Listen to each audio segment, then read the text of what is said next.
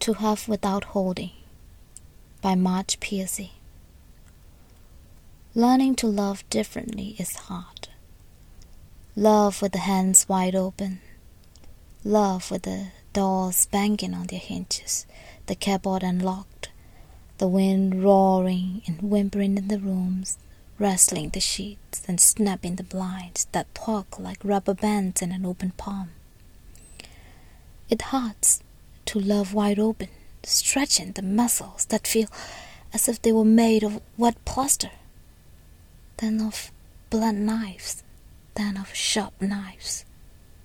It hurts to thwart the reflexes of grab, of clutch, to love and let go again and again. It pesters to remember the lover who is not in the bed, to hold back what is owed to the walk that scatters like a candle in a cave without air. To love consciously, conscientiously, concretely, constructively. I can't do it. You say it's killing me, but you thrive. You glow on the street like a neon raspberry. You float and sail.